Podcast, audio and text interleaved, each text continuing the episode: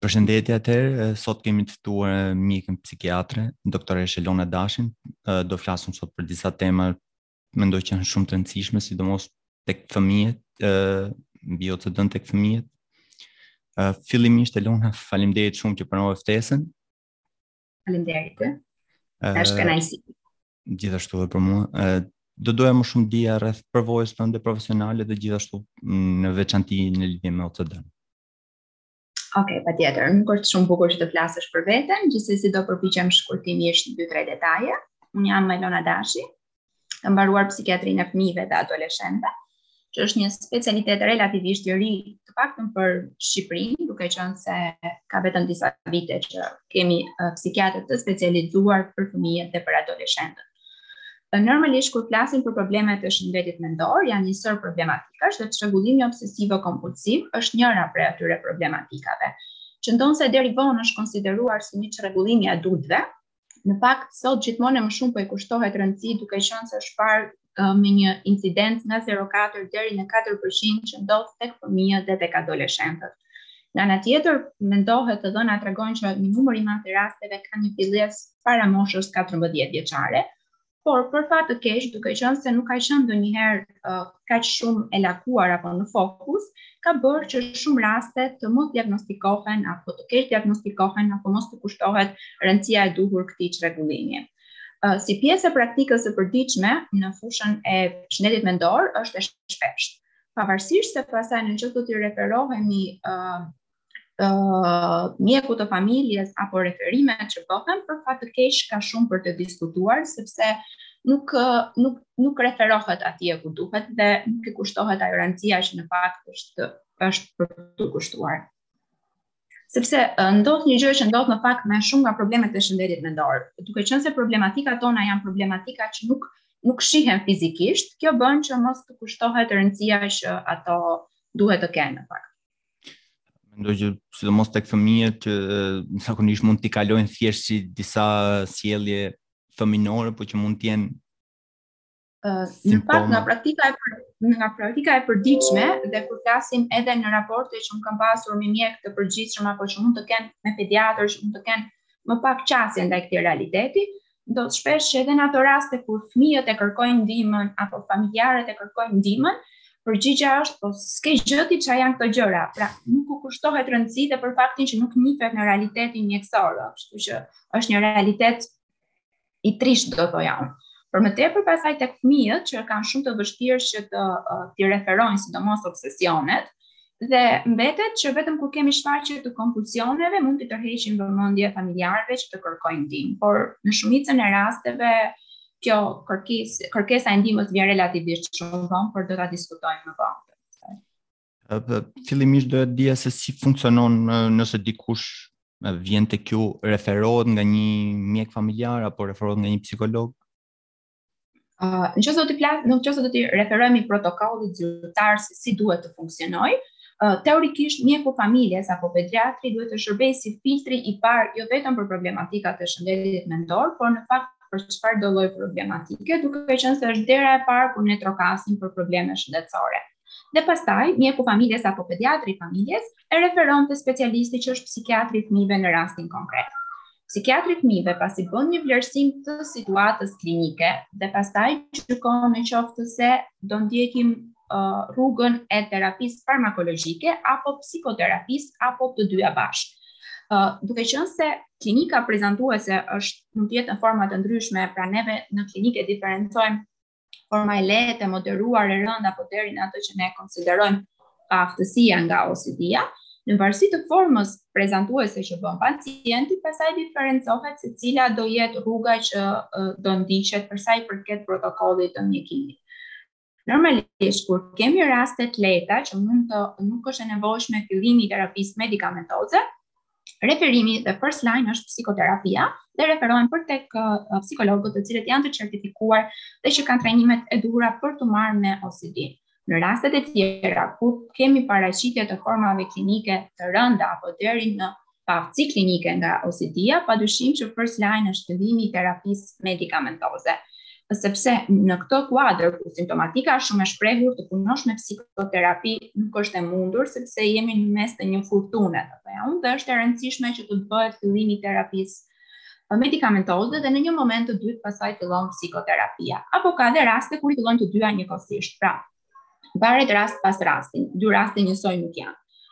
Kjo është rruga normale e ndjekjes që duhet të ndiqnim apo hierarkia. Por në realitetin shqiptar jo gjithmonë ndodh kështu. Çfarë do të thotë që në një studim që unë kam bërë relativisht të vogël me fëmijët dhe adoleshentët e paraqitur në shërbimin e psikiatrisë të fëmijëve në Tiranë, nga 60, 55, 60 që ishin gjithë pjesëmarrësit, Tre çereku i tyre kishin pasur kontaktin e parë direkt te psikiatri duke i anashkaluar gjithë filtrat e tjerë. Ndërsa ka raste të tjera që psikiatri nuk zgjidhet, por shkohet direkt te psikologu dhe pastaj është detyra e psikologut që ta dërgojë dhe ta referojë po, te psikiatri. Por gjithmonë po flasim për rrugën se si duhet të funksionojë. Pastaj e dimë që në realitetin tonë shumë herë hallkat anashkalohen apo ngecen rrugës. Um, sidomos mendoj ajo që thatë dhe më parë se po të shkosh tek mjeku familjar do kesh edhe neglizhencën dhe normalisht humbet besimi se kjo është diçka që normalisht njerëzit kanë shumë frikë ta ndajnë. Dhe më pas ndjen ndjen më shumë besim tek psikologu dhe tek psikiatri, prandaj anashkalohet, besoj. Unë unë gjykoj që më e rëndësishme është që të të kërkohet ndihma. Pra, hapi kur fëmija apo adoleshenti kërkon ndihmën prindit nuk duhet ta neglizhojnë. Uh, e siguroj që fëmija dhe adoleshenti e ka mbajtur për shumë gjatë uh, mendimin me veten e vet, vuajtjen me veten e vet derisa arrin dhe kërkon ndihmë. Dhe në momentin që ai e ka bërë hapin e parë, ka kërkuar ndihmë, është shumë e rëndësishme që kjo ndihmë mos të mbyllet aty, por të ndiqen të gjitha hallkat të kërkohet dhe të trokitet në çdo derë derisa fëmija të marri ndihmën që duhet ta marri. Pra jo të të stopohet apo të mbyllen dyert le të themi. Mund të ndalemi pak tek simptomat se si shfaqet ato mhm. të dyja tek fëmijët Uh, tash që për sa i përket konceptit të OCD-s tek fëmijët dhe adoleshentët është një koncept relativisht i ri apo si njihet dhe OCD-ja juvenile ditët e sotme. Megjithatë, rastet në literaturë janë që fillojnë deri në moshë që nga mosha 3-4 vjeçare. Ndonëse atë periudhë është shumë e vështirë për t'u bërë diagnostikimi, Unë personalisht rastet me fëmijë të vegjël i kam pasur në moshën 6 vjeç, 6 vjeç e gjysmë, që fëmija është mjaftueshëm i rritur për të shprehur deri diku ato mendimet obsesive që ai nuk arrin t'i kontrollojë dhe që gjen mënyrën për të t'i treguar apo për t'i për t'i shprehur. Por, ë uh, Përgjithësisht tek fëmijët më të shpeshta sesa obsesionet, bien në dukje kompulsionet, pra ato veprimet që fëmija bën si pasojë apo ritualet, që fëmija bën si pasojë e mendimeve, sepse shpesh jo vetëm fëmijët, por dhe adultët ndonjëherë e kanë të vështirë që të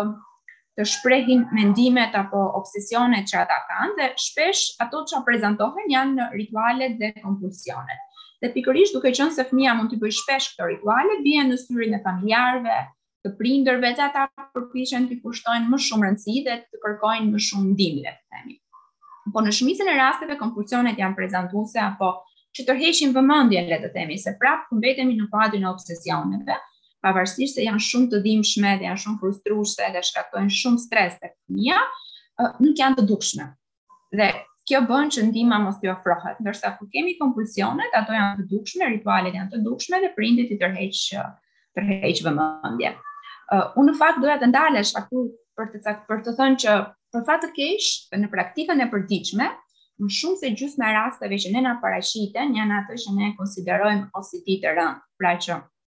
Kemi një simptomatikë mjaft të shprehur me një kohëzgjatje shumë të madhe si të obsesioneve dhe të kompulsioneve, me fëmijë apo të rinj të cilët ndikohen dhe u prishet cilësia e jetës, cilësia akademike, cilësia sociale dhe gjithë jeta familjare, si pasojë e këtyre mendimeve apo veprimeve kompulsive. Ose ka dhe një pjesë të rasteve të cilat paraqiten kur kemi deri në atë që ne konsiderojmë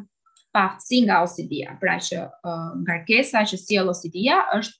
aq sa mund të japi një lloj paaftësie për të vazhduar jetën normalisht. Dhe për fat të keq ato OCD-të e lehta apo të moderuara vijnë gjithmonë edhe më rrallë. Kjo sepse gjithmonë më shumë e shtyjnë kërkimin e ndihmës dhe mendojnë se edhe mund ta kalojnë vetë. Thjesht, po, mendojnë që mund ta kalojnë vetë, kanë stigmën për të kërkuar ndihmë. U duket padyshim e çuditshme dhe mendoj që tek fëmijët dhe të rinjtë është akoma më e dhimbshme. Domethënë unë kam pas raste nga realiteti fëmijë që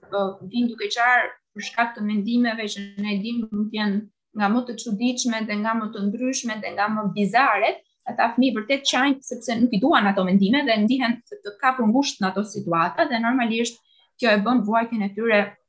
shumë të madhe dhe duke qenë se janë fëmijë janë akoma më të uh, më të e janë të papërgatitur për ta menaxhuar këtë lloj dhimbjeje.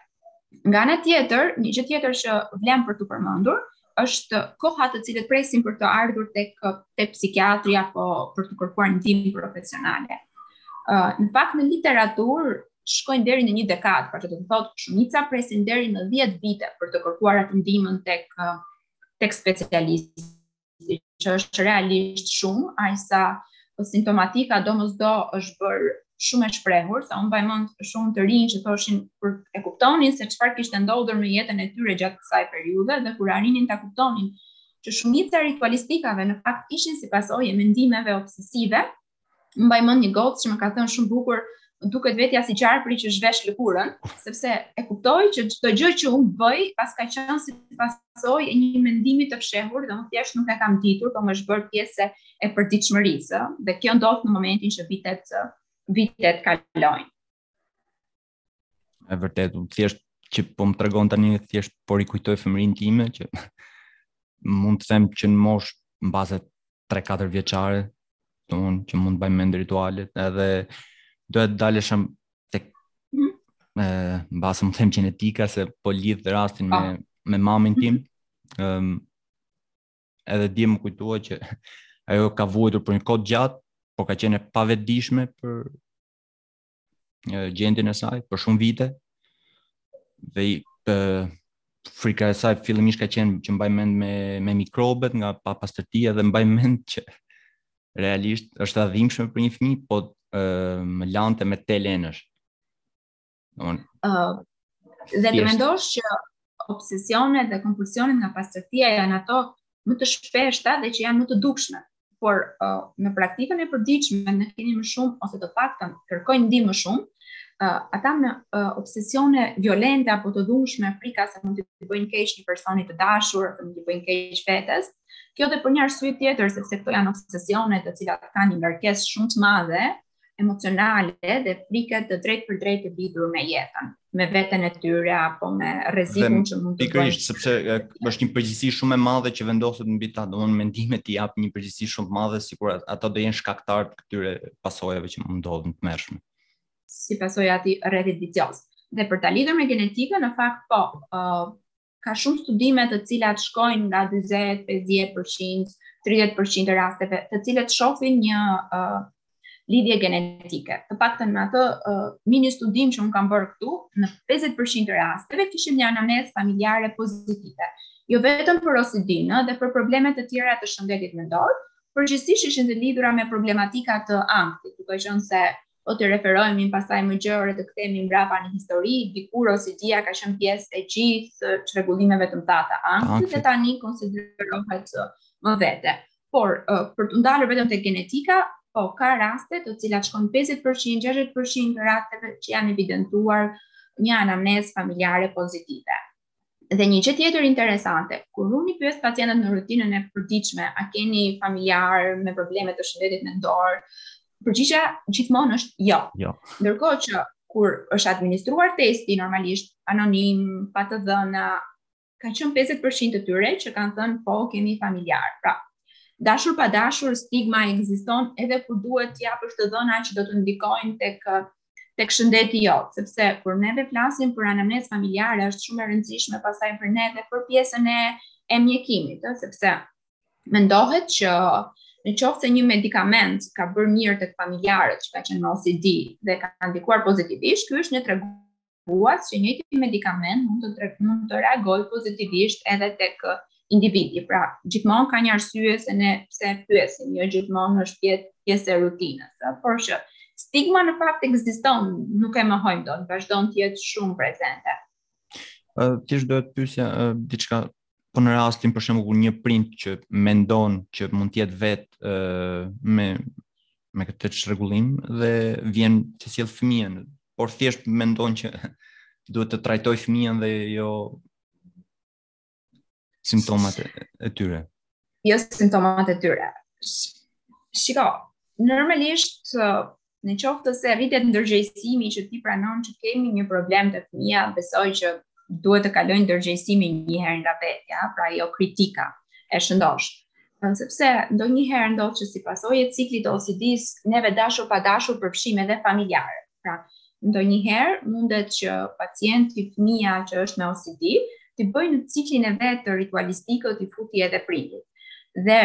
besoj është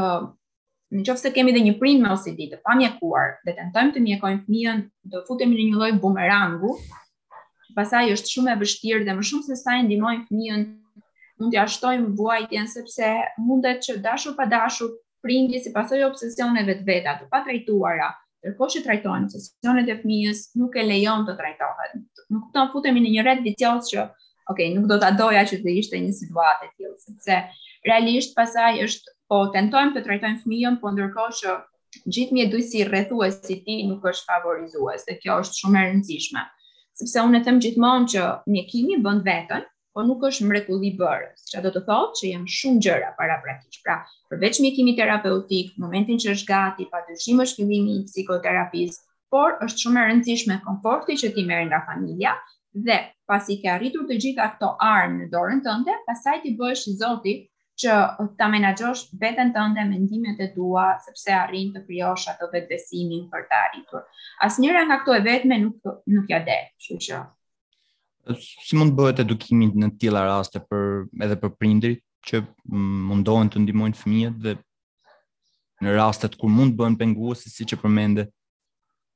Shko, uh, një gjë që unë u them prindërve kur vijnë dhe uh, shpesh herë prindërit ndihen po ashtu të frustruar kur ndodhen përpara fëmijëve të cilët tentojnë t'i fusin brenda ciklit të tyre vicioz ose përpiqen uh, Më thuaj që nuk do ndodhi kjo, më thuaj që nuk do bëj kjo, më thuaj që në ashtu si pasojë e mendimeve të tyre dhe prindi dashur pa dashur përpiqet t'ia përforcojë të thojë nuk do ndodhi asnjë gjë, nuk do ndodhi kjo dhe ajo pika e parë që neve i kërkojmë prindërve është të përpiqen mos të jenë pjesë apo të ndërpresin të qenit pjesë e këtij rituali rituali apo ritualistike tek fëmijët pa dyshim duke ia shpjeguar që kjo është një gjë që po bëhet për të mirë të fëmijës dhe jo se se ne duam që fëmija të vuajë më shumë.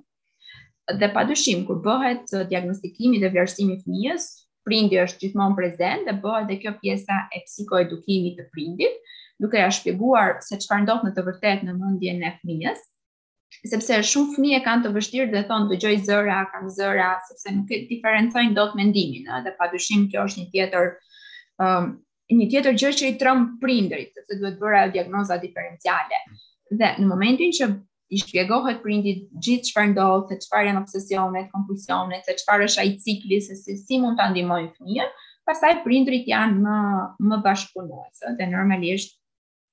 sa më bashkëpunues të jenë prindërit dhe sa më të gatshëm të jenë për të mirëkuptuar uh, gjithë procesin terapeutik dhe për të mirëkuptuar që edhe në momentin që fillon trajtimi nuk është se zgjat sot për nesër do një kohë të caktuar që të fillojë përgjigjja terapeutike, sepse ndodh që ai mund të jetë një fëmijë që ka vuajtur me vite. Në momentin që vjen te psikiatri, bëhet vlerësimi dhe unë shikoj që është e nevojshme të fillohet terapia medikamentoze, ndodh që vjen përsëri pas një jave dhe thotë nuk ka ndryshuar asnjë gjë. Pavarësisht se ti ia shpjegon që shiko se mjekimi do një kohë të caktuar që shkon me javë derisa të fillojë të duket ndryshimi dhe për më tepër kur kemi raste që kanë vite që janë kronicizuar simptomatika. Prindi pikërisht kur fillon mjekimin e ka shumë të vështirë për të pritur, sepse pret që me, meqë fillova mjekimin tani çdo gjë do zhduket. Por, thashë, në momentin që ia shpjegon prindit që përpiqesh të insistosh, ia shpjegosh disa herë se si funksionojnë gjërat, është bëhet më lehtë. se e kam përshtypjen mm, e kam vënë re vetë në disa raste, të them të drejtën. Kam përshtypjen që prindi nganjëherë bëhet pengues në nxitimin e përmirësimit, me thënë, që mund të kanë ankthet e tyre dhe ata duan po, ata duan shkopin magjik. duan atë shkopin magjik. Ë uh, por uh, unë gjykoj që në rastin që prindi vendos bashkëpunimin me mjekun dhe është i gatshëm ta bëjë këtë bashkëpunim që të eci, është më lehtë dhe për fëmijën. Dhe gjëja më e keqe që ndodh, që për fat keq nuk ndodh rrallë, uh, kemi raste kur pavarësisht se fillohet mjekimi dhe është shpjeguar kohëzgjatja dhe gjithë të tjerat, prindi ose e ndërpret mjekimin pa filluar mjekimi të japi efektin, ose e ndërpret mjekimin pas le të themi 2-3 muajsh që ka filluar dhe le të themi fëmija është ndjerë më mirë dhe janë zhdukur dhe reduktuar simptomatikat, e ndërpret mjekimin pa konsentin e mjekut dhe atëherë kemi një rikthim akoma më të fuqishëm të simptomatikës, duke e bërë punën e mjekut edhe më të vështirë, pavarësisht se normalisht çdo rikthim është më i vështirë për të trajtuar, sidomos në situata kur bëhet braktisja e menjëhershme e mjekimit. Se gjithçka, si fillimi, si ndjekja, si heqja e mjekimit bëhet në një protokoll të caktuar. Dhe kjo është ajo pjesa ndonjëherë e mungesës së bashkëpunimit ose e padurimit nga ana e prindit për ta ndërprerë mjekimin. Kjo lidhur dhe me faktin e frikës që ata kanë nga efektet anësore. Megjithatë, preparatet që përdoren për OCD-në, që janë grupi i SSRI-ve, një grup i madh medikamentesh, janë ndër medikamentet të cilat konsiderohen më të sigurtat. Dhe doza që përdoret është gjithmonë dozë e kontrolluar, sidomos kur flasim për fëmijët dhe adoleshentët, janë doza të miratuara nga FDA-ja dhe uh, normalisht efektet anësore janë shumë të rralla sidomos në dozat që neve i përdorim tek tek fëmijët, ë. Por nga ana tjetër, padyshim, u them prindërve që ilaçet nuk janë karamele, ti edhe kur pi një paracetamol, në qoftë se ulesh të lexosh gjithë indeksin e efekteve anësore të paracetamolit, do shohësh që është gjithë ajo kutiz dhe normalisht mund të mos ndodhi asnjë nga ato, por është detyrim që ato të përshkruhen. E njëjta gjë ndodh edhe në kuadër të çdo medikamenti, padyshim edhe të medikamenteve që neve përdorim. Kam përshtypjen se një gjë tjetër, po, një gjë po, tjetër jo, është po. të përmend këtu, është lufta që ne kemi me farmacistët dhe me psikologët. Pse? Ë, uh, ndodh që nuk kanë informacionet e caktuara, nuk janë updateuar me të dhënat apo u diun dhe në momentin që prindi vete në farmaci për të marrë ilaçet, reagimi i parë është që ç'ky ilaç të ka dhënë ty doktoresha, ky është ilaç i rëndë, mos e merr. Edhe këtu fillon prishja e aleancës së parë me pacientin.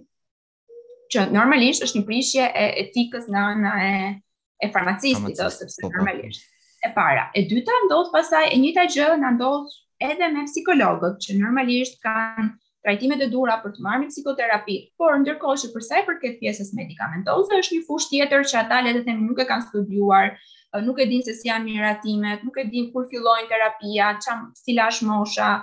e fillimit të gjitha këto. Dhe na ndodh që edhe në raste të tilla, pra të kemi një të tillë feedback ku shkojnë te psikologu, kanë marrë mjekimin dhe psikologu i thotë që ç'ky ilaç të ka dhënë, nuk bën ky ilaç, hiqe ky ilaç, fëmija është kaq vjeç,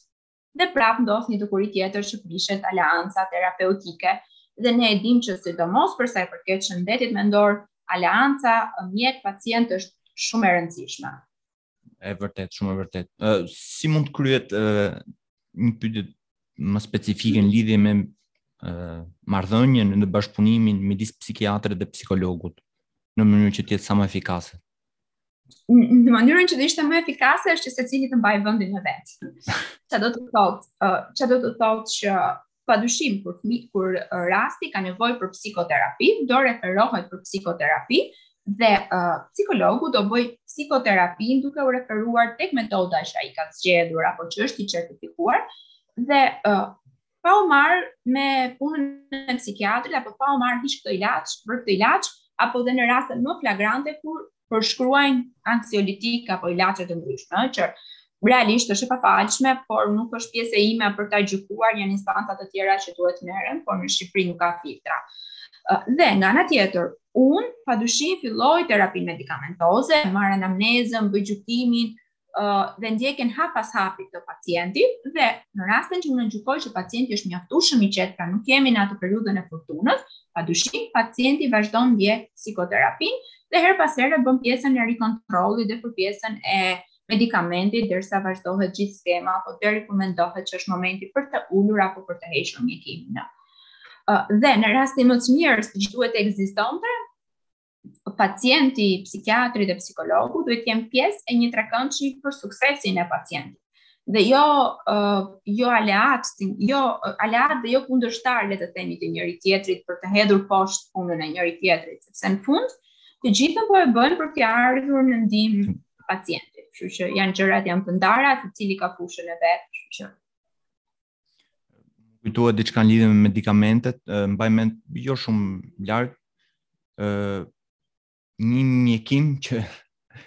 reklamohej në media si shumë shumë të tjerë, si bimor, natyral dhe specifikisht thoshte që ishte kundra stresit, kundra ankthit, kundra çdo. Vazhdojnë të ketë reklama të tilla pa fund. Po, po, po, po. Uh, jo vetëm në media, por në fakt sot uh, Instagrami apo rrjetet sociale janë bërë një marketing shumë i keq do thoja unë, sidomos për sa i përket fushës së mjekësisë, sepse është bërë një përhapje informacioni jo e kontrolluar, sot është kthyer përkthimi nga Google-i të bën ekspert dhe ti ke lirshmërinë duke marrë një pjesë nga Google-i ta përkthesh dhe ta hedhësh kushdo qoftë. Kjo është një informacion i pakontrolluar, ëh, dhe një bum informacioni që jo gjithmonë është i shëndetshëm. Ndërsa për sa i përket asaj pjesës së medikamenteve, unë gjithmonë jam shumë shumë skeptike për për të shmangur sa më shumë të jetë e mundur, qoftë pjesën e diagnozave, qoftë pjesën e medikamenteve, sepse nuk jam uh, partizane e reklamimit të një gjëje që mund të dëmtojë shëndetin e njerëzve. Sepse shumë njerëz, sidomos kur flasim për adoleshentët, nisur nga një emër, nga një informacion, mund të fillojnë të marrin vetëm vetë medikamentet, mund të keq trajtohen edhe ku di unë pastaj fillojnë problematika nga më të ndryshme. Pikërisht sepse janë edhe më të prirur duke qenë se janë në një gjendje që e, duan një zgjidhje sa më shpejt, çfarëdo lloj gjëje që mund t'u japësh atyre u duket si si një zgjidhje e menjëhershme dhe Kështu që prandaj kjo është një gjë që në fakt është një realitet që është shumë i shpeshtë, sidomos në shoqërinë tonë, por që është shumë i gabuar. Në fakt e dëmton në shumicën e rasteve pacientin se sa e ndihmon. uh, një këshillë se si mund prindërit mund të identifikojnë disa nga simptomat tek fëmijët me OCD? Ë, uh, shiko, prindi duhet të jetë shumë vigjilent ndaj ndryshimeve në sjellje tek fëmija. Thashë duke qenë se uh, shumica e prezantimeve te fëmijët janë me veprimet apo ritualistika, pra me veprimet kompulsive, prindi duhet të jetë i vëmendshëm në qoftë se evidenton tek fëmija sjellje të çuditshme që fëmija fillon edhe i bën në mënyrë të përsëritur, si për shembull larja e duarve shumë shpesh ose ecejakje nëpër shpi, apo ka fëmijë për shembull që shmangin ato vijat e zeza të pllakave dhe bëjnë kërcime që mos t'i shkelin sepse mund të kenë me fatin e mirë apo fatin e keq. Pra, në qoftë se një prind është i kujdesshëm, fëmijët me OCD japin mjaftueshëm sinjale dhe mjaftueshëm shenja që prindi vigjilent t'i kapë ato. Pastaj, kur fëmijët janë më të, pak më të rritur, le të themi, ndihma e tyre është fëmijët vijnë dhe të thonë vetë, më është bërë një gjë fiksim, dhe kjo është prezantimi i rasteve, dhe më është bërë fiksim kjo, nuk e heq dot këtë nga mendja. Pra, se fëmija gjen mënyrën e vet për të ta prezantuar. E rëndësishme është në momentin që fëmija të japë qoftë edhe një sinjal, prindi ta shumëfishojë atë sinjal dhe të trokasë për të kërkuar ndihmë. Shumë e vërtetë dhe shpresoj që të jetë kështu në vazhdim. Mendoj që tani ka informacione ka mjaftueshëm informacione, ka mjaftueshëm dyer për të trokitur, ka mjaftueshëm specialistë, kështu që duhet të jesh, mendoj unë të dish të trokasësh dhe të kërkosh ndihmë. Për më tepër, sepse jashtë shtetit është shumë e vështirë për shembull të arrish deri te psikiatri, të duhet me vite për të kaluar gjithë barrierat, por ne në Shqipëri kemi luksin që çdo gjë është e aksesueshme menjëherë, kështu që kjo ka një të mirë që të paktën ofrohet ndihma menjëherë.